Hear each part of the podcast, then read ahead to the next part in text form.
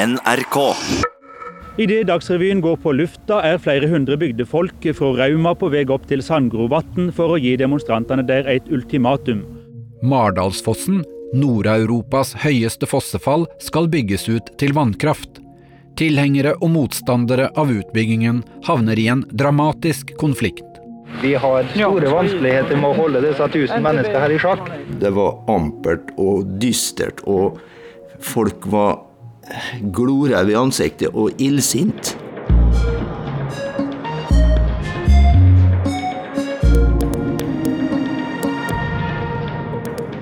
Du hører på hele historien, Slaget om fossen, av Ingrid Fadnes. Andre og siste del.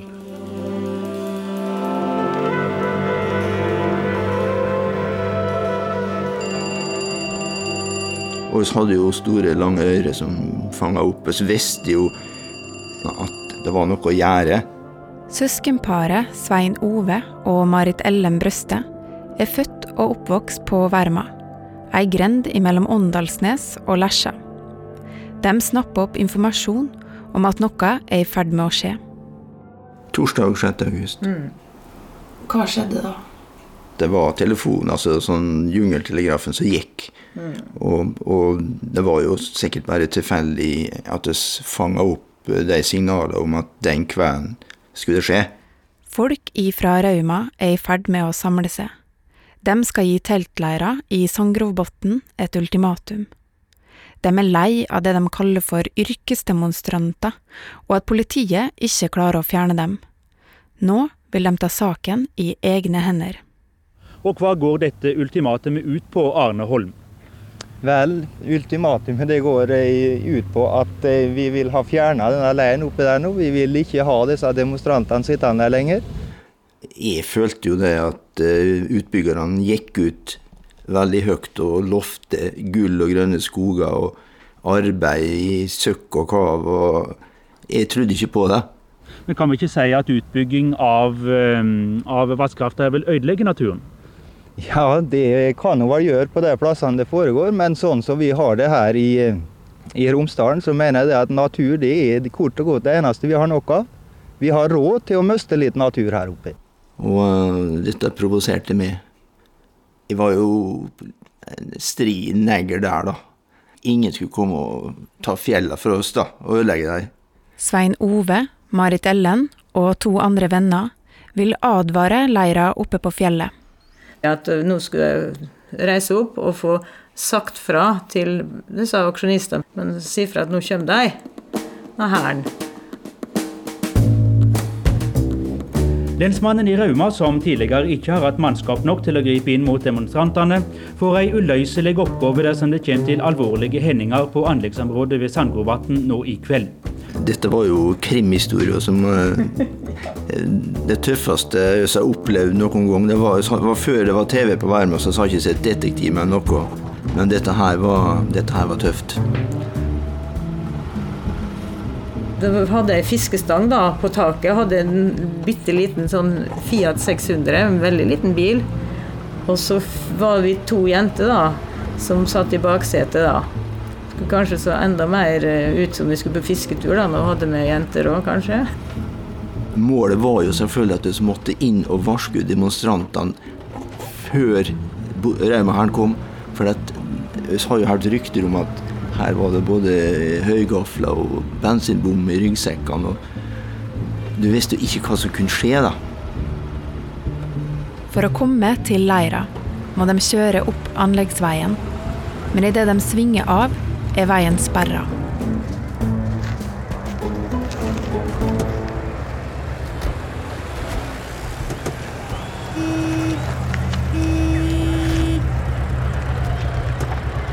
Der var det jo 160-70 biler og kanskje 600-800 personer. Og Øst bare blinka ut og skulle svinge til venstre inn på anleggsveien. Og det var, det var ikke fysisk mulig å komme fram. Det var stengt. Av folk og biler. Ja. Ja. Det var ampert og dystert, og folk var gloraude i ansiktet og illsint. Og, og det skjønte jo selvfølgelig at ikke skulle på fisketur sjøl om jeg sa det. Og tre-fire personer av de lederne i aksjonen, som var kjente næringslivsledere fra Åndalsnes, angrep bilen vår, angrep den fysisk, og begynte å, å huste på den og, og, og, sa at jeg skal bekke bilen deres, jeg skal bekke den på sida. Og jeg satt inni. Det var livst. Du så så sinte mennene utafor. Jeg ser dem for meg. Men Ble dere redd? Ja, var redde, altså. For det, den er liten, den bilen, altså, Fiat 600. Om kunne ratta Hadde vært et par til, så hadde det sikkert kolva den. Så eh, det var ikke helt uh, i vater, uh, alle som var der. Men så skjønte vi at her kommer vi ikke videre. Det er ikke mulig å komme seg forbi. De er nødt for å finne en annen vei. Og da sveiva Jan Petter, som satt på sida, ned ute, og så ut med det grønne naturvernflagget som vi hadde fått med demonstrantene i Sangerobotn når vi har vært på besøk. da. Og det fyrer jo veldig bra opp i stemninga oppå Klaustermoen der, da. Den lille Fiaten freser opp en gammel kjerrevei, og slik kommer de seg inn på anleggsveien lengre oppe. Så blåste forbi, og, og stemninga sto i taket. Da var vi først. Så plasserte bilen vår på tvert på veien så langt som vi kom, da, bare for å markere at her står den blå Fiaten som dere jager fra nede på Haustemmoen. De løper mot aksjonsleira for å fortelle om hva som er på vei. Rauma-folket vil være der om en time, eller kanskje bare en halvtime. Det er jo kalla sammen til et uh, allmøte i leiren med en gang. Uh, jeg følte i hvert fall at kanskje skal trekkes litt unna og så få oversikt. Vi ville ikke være verken her eller der, da. For vi hørte i hvert fall ikke til i Raumahæren, da. Så vi klatra på en stor stein, mener jeg. Ja, satt midt mellom der de kom, der bondehæren, ja, ja. og så på. Idet Dagsrevyen går på lufta, er flere hundre bygdefolk fra Rauma på vei opp til Sandgrovatn for å gi demonstrantene der et ultimatum. Anleggsveien er nå full av biler. Ingen lensmann er å se, idet Rauma-folket beveger seg mot teltleira. Det var litt av et syn. Det sto på en rande, da, så jeg ble ikke sant, litt høyere òg. Teltleren lå jo lavere, så det er bare det, vet du. De hadde liksom overtaket, de som sto på der allerede. Da. Og begynte med sånne uh, roperter og begynte å Ja, det var, det var en veldig, veldig rar stemning der, altså. Det var ekkelt. Rauma-folket omringer teltleira. De har med seg plakater. Hippie ser du, dra hjem hvis dere har noe, da. Sto det på, på plakater. Feir for egen dør. Romsdal for romsdalinger. Forsøk noe nytt. Hva med en jobb? Jeg følte meg ikke komfortabel. Og når Raumahæren kom nære leiren, så var det jo en som tok kniven og kutta balunene på et telt. Så venta jeg at jeg skulle begynne å fyre opp noe bensinbommer. For jeg trodde jo på det at jeg hadde det i sekken.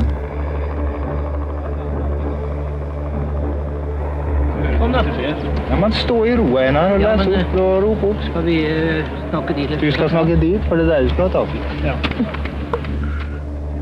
Einar Remmem ifra Rauma holder en megafon i hånda.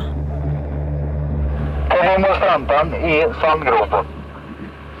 Det står som følger til demonstrantene i Sandgropen. Vi innbyggere av Rauma kommune vil herved overrekke dere følgende ultimatum.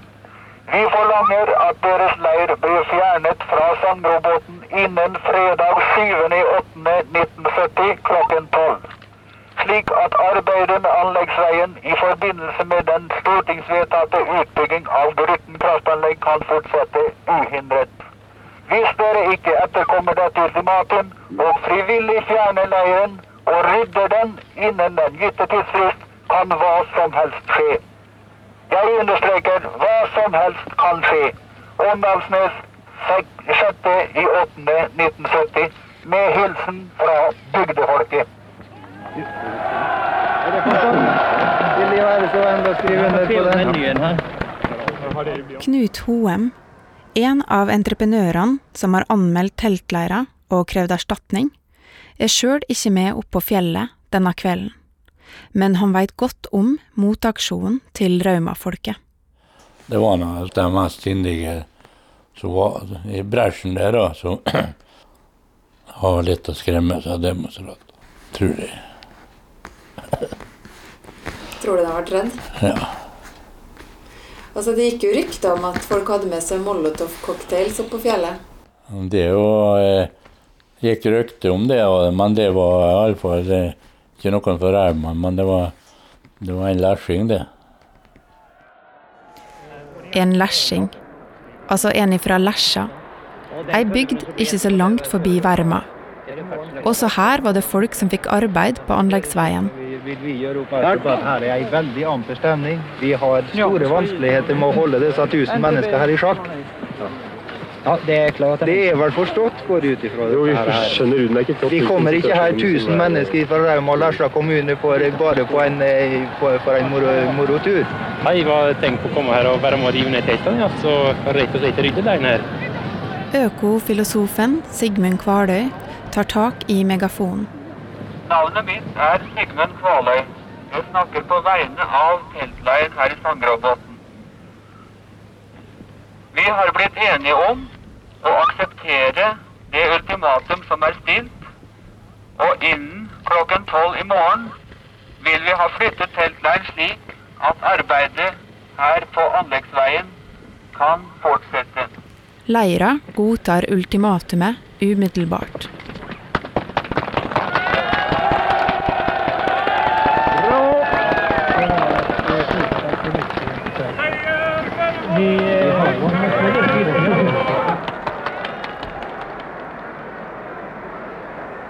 Rauma-folket og tilhengerne av kraftutbygging har satt hardt mot hardt, og de synger 'Seieren er vår' når de forlater fjellet.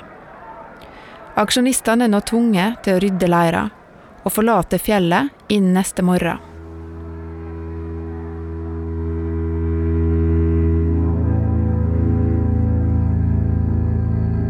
Men nå er det i Eresfjorden og i Eikesdalen at telefonene kimer. Ryktene om Rauma-hæren har nådd dem. De er rasende. Dette ser de på som et angrep retta mot dem sjøl. Veit ikke folk i Rauma at aksjonsleira også er en del av motstanden fra Eikesdalen og Eresfjorden? Dette finner de seg ikke i. Mannen min han var nede på naustet. Og, og så kom han på kvelden, kjører han hjem, og så sa han Vær snar ha på det. Nå reiser vi til Sandgrobotnet, for nå er Rauma-folket og skal demonstrere. Og vi må fare.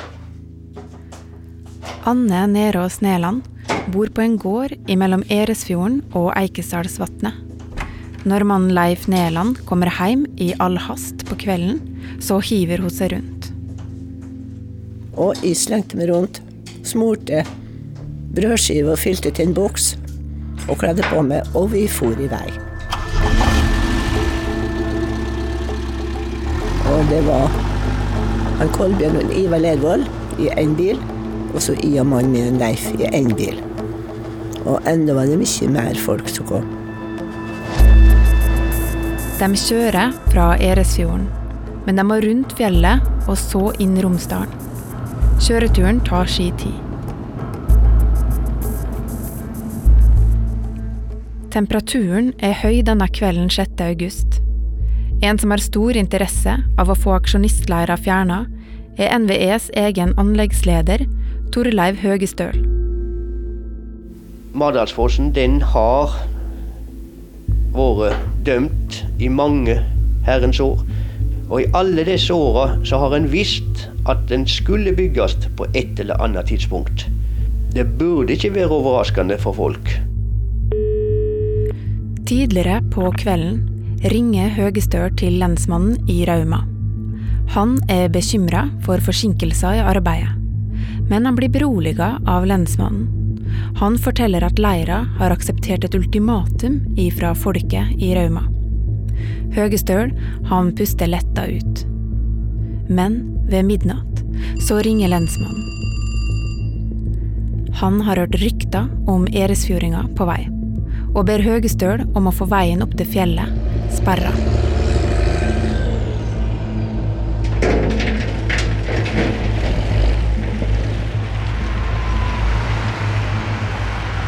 Når Anne og de andre kommer til anleggsveien, møter de en bulldoser som er satt tvers over veien. Og, og så møtte vi to unge gutter som kom med folkevogn. Og så sa de det at da skal vi greie å hive, ha bort, vi skal komme oss igjennom.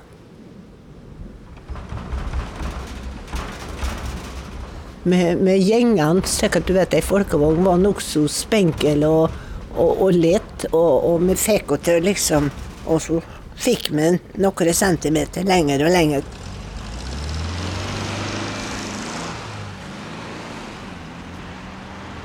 De klarer å gjenge folkevogna forbi bulldoseren.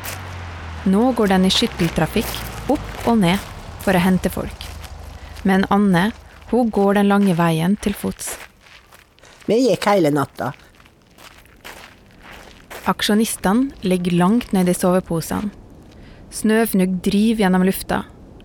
De tror at dette er siste natta i leira. Men plutselig hører de kjente stemmer utenfor teltene. Når vi kom i leiren, så var det ei som kom med en kopp kaffe. Den var så mye og svart. Og godt var det det som var oppi i supa til med kaffen. Du kan skjønne hvor godt hele natta, vet du. Det er teltleirer med Kvaløy i spissen som har godtatt ultimatumet, og ikke folk fra Eikesdalen og Eresfjorden. De lager en ny leir, i veitraseen. Kolbjørn Lervold er en av dem. Og sette oss ned da, for å symbolisere motstand. Og da kom så her Gestapisten fra Rauma, vil kalle den, og, og så er fra Molle.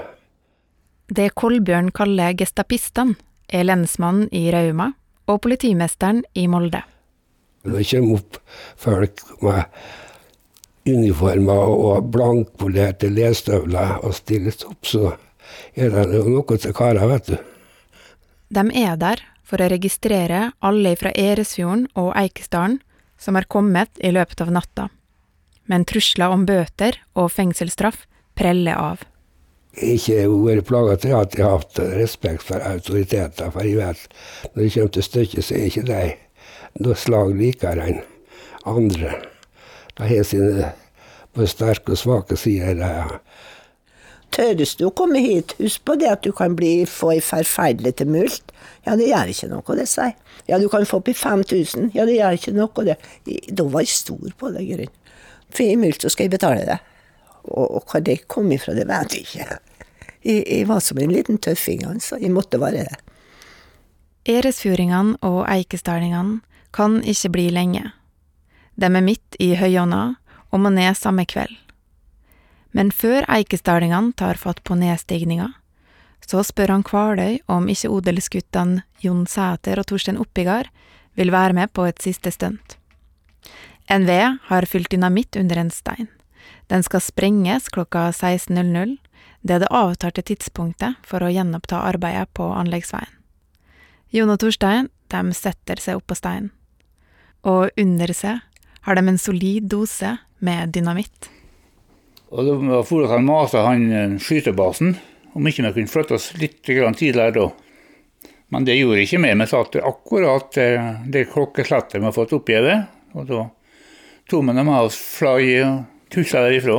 Og så sto og så på at det smalt, da. Slutta med et smell. Det gjorde det. Skikkelig smell.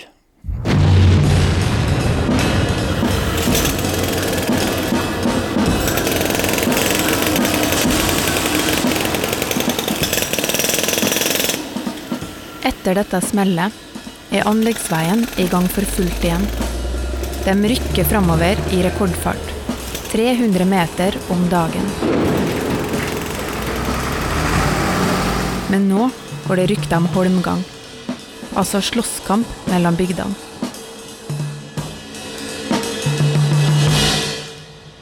Det begynte å gå rykter om at det var bond, to bondehærer En i Isfjorda og enn i Eresfjorda. At det skulle være holmgang med heigafler. Fylkesmannen og politimesteren kaller inn til et dialogmøte på Samfunnshuset i Eresfjord. Og der er han Kolbjørn. Og det var så mye folk som møtte opp. De måtte sette inn ekstra stoler der. Og kom de, så så jo folk som satt der, så de trodde de var døde for mange, mange år siden. Gamle kjerringer som var så ivrige at de skulle pestes ut. Være vitne til skikkelig kamp. Kanskje til og med med heigafler. og så kom det inn, så karene. Det satt jo bare ei enorm forsamling av gamle mennesker vet du, og venta på noe stort. Det blir ingen holmgang mellom bygdene. Derimot blir det fest inne i Eikesdalen. Sjøl om slaget er tapt oppe på fjellet, så skal aksjonen og samholdet feires. Ta Underholdningsprogrammet her kom temmelig skarpt på oss. Vi var i bed hva vi skulle, hvor vi skulle legge det opp. Det. Høyt utdanna akademikere, økofilosofer, barnedemonstranter og odelsgutter samles rundt et stort bål, og den lokale komponisten Bjarne Lien og hans kvartett spiller opp til dans med sin egenkomponerte låt. Til ære for fossen.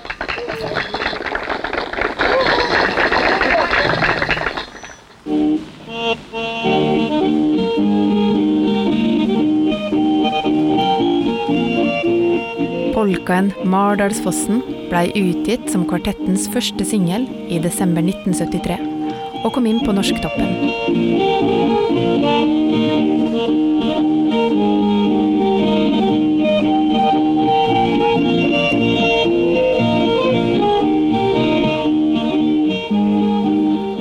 Agnes Hammer leser diktet 'Mardøla tek farvel'.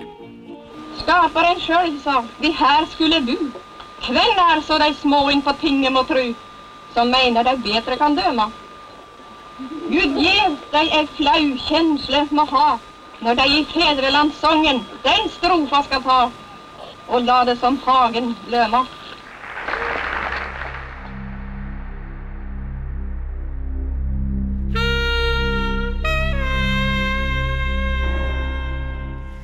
Hva nå? August går mot slutten. Sjøl om bygdene skjønner at slaget er tapt, vil ingen gi seg. Folk fra Eresfjorden og Eikesdalen har fått brev fra politimesteren i Molde. De venter på å bli innkalt til avhør. Samtidig diskuterer Kvaløy og noen gjenværende fra samarbeidsgruppa for natur- og miljøvern mulighetene for å rykke inn i veitraseen nok en gang. Kanskje ender det med en, en slags sørgehøytidelighet. Kanskje går vi tilbake i traseen, en liten gruppe av oss, for øyeblikkelig å bli fjernet av politiet. Leira sender en appell til Oslo. En appell filosofiprofessor Arne Næss svarer på. Han kommer. Været er elendig. Regn, vind og kulde får demonstrantene til å flokke seg rundt ovnen i et 16-mannstelt. Der leses det aviser, spilles gitar og diskuteres.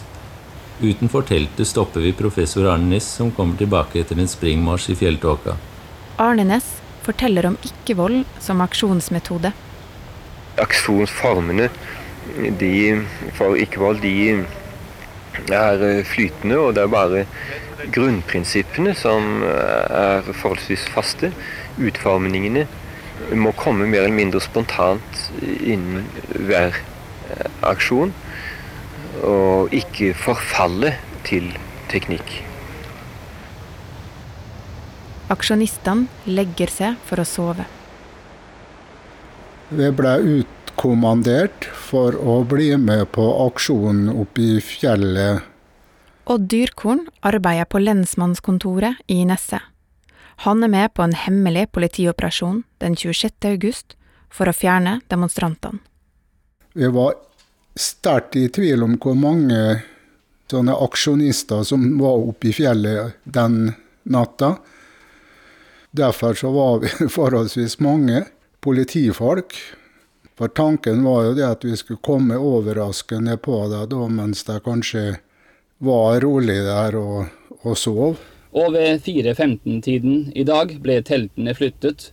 Seks av demonstrantene satte seg imidlertid ned i traseen, og de ble av politimennene båret en 20-25 meter til side og ut av veien.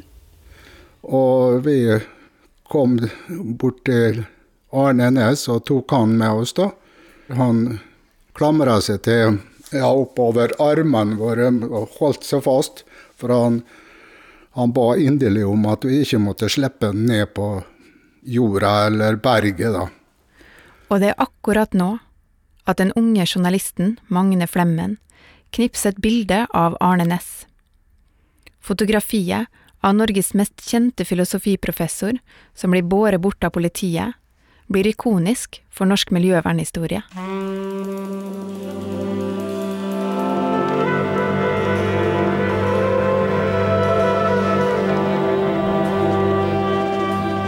Aksjonistleira er fjerna. Nå venter avhør og mulige bøter og fengselsstraff. Kan du lese det som står helt i begynnelsen her? Ja. Husstellærerinne Anne Nøland. 27.5.34 Eresfjord. Straffeloven, ja. Anne Nerås Næland får brev fra politiet i Molde. Og hun må stille til avhør. Spurte hvorfor jeg gjorde det og det. Og du som er lærer, er nå ikke rett arbeidet ditt å, å lære ungene at de skal være ordlydige. Det var liksom det jeg fikk høre. Det var nå det. Nei, så sa jeg jeg kan ikke sammenligne arbeid og, og hva jeg gjør på fritida mi, så er det ikke det samme det sier. Så det syns jeg var et dumt argument å komme med. Ja, da kom det direkte at man fortalte det at du kan risikere at du får 5000 i bot, og du må sitte i fengsel. Ja, det gjør ikke det slag, sa jeg. Jeg betaler for meg, og jeg vil ha skikkelig både mat og drikk, sa jeg. For jeg er nokså stor forlangende når de blir satt i fengsel, sa jeg, så det jeg blir ikke så enkel.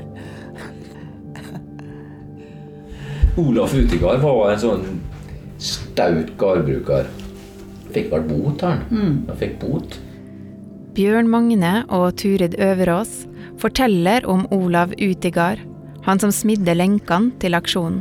Og Han nekta å betale bota, men jeg syntes ikke at han kunne settes i fengsel. Eller, så det var tvangsauksjon over gården hans, faktisk. Nei, det var en tilhenger. Over tilhenger, da var det tok vel ut en tilhenger. da. Ja. Under tvangsauksjonen så hadde han fylt den med møk, tror jeg. Ja, jeg tror det. Den som, den som kjøpte den, skulle få fullt av møk. Ingen byr på den møkkafylte hengeren til han Utigard.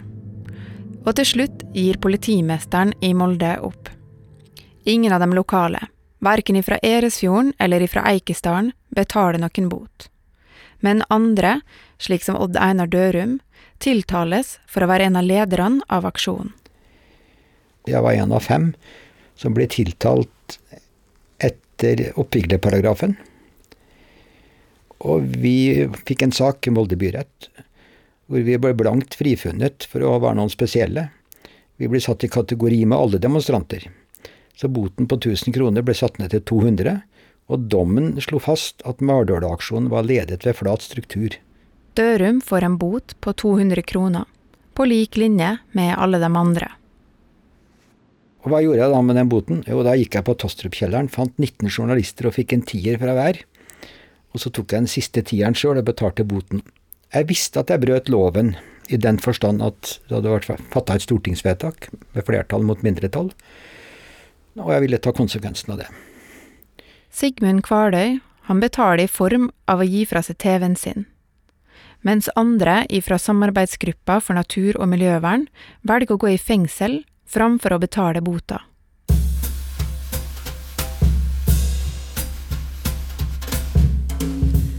«1970 var naturvernåret i Norge, og Mardøla satte dagsorden.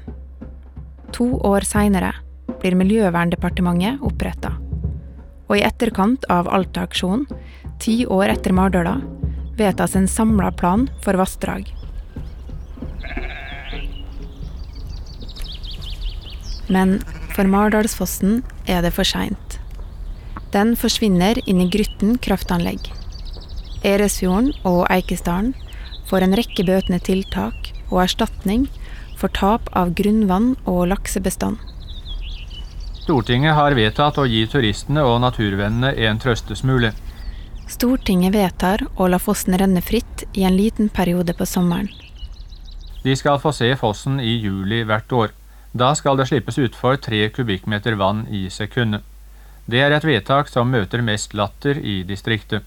For det første vil det bare bli en liten stråle, og for det andre er det en kunstig måte å lage turistattraksjoner på, nesten like kunstig som Industridepartementets opprinnelige forslag om å skru på fossen én time én eller to ganger per dag i juni, juli og august, antagelig da når ferja gikk forbi. Slusene som ble bygd, åpnes hvert år den 20. juni, før de stenges igjen den 20. august.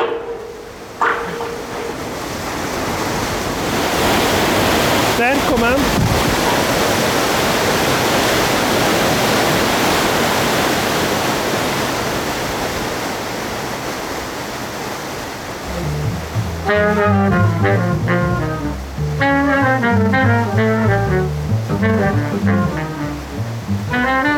Ideene fra Sigmund Kvaløys økofilosofiske seminar i Eikesdalen og i Eresfjorden lever videre. Ja, Sigmund Kvaløy han var det bestemt og, og fortellende om det her mangfoldet i naturen. Da. Det er sammensatt og dynamisk og vanskelig for oss mennesker å, å komme og, og tro at vi skal kunne styre det. I 2020, 50 år etter at konsesjonene ble gitt, er det mulig å be om revisjon av konsesjonsvilkåra. Eikesdal bygdelag spiller ballen over til Molde kommune, som kan be NVE om en slik revisjon. Slaget om fossen er ikke over. Er det viktig nå 50 år etter at uh, Mardalsfossen kommer tilbake igjen? Ja, det syns jeg Norge skal ha råd til. Rett og slett. Det er, som det blir sagt, en av verdens fineste fosser. Ja, det er en god nok grunn i seg sjøl.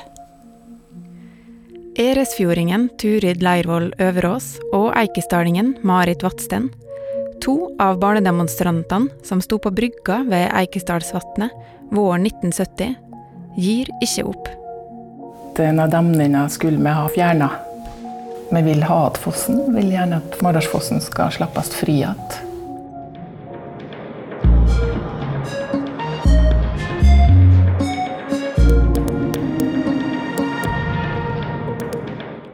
Dette var hele historien, slaget om fossen, laget av Ingrid Fadnes. Lyddesign Kjetil Hansen. Produsenter Line Alsaker og Kjetil Saugestad. Takk til Iver Gjelstenli for research og tilrettelegging. Mange lydklipp er henta fra dokumentaren 'Kampen om Mardøla' av Oddvar Einarsson. Vignettmusikken er laget av Nils Jakob Langvik. Redaktør er Siril Heierdal. NRK.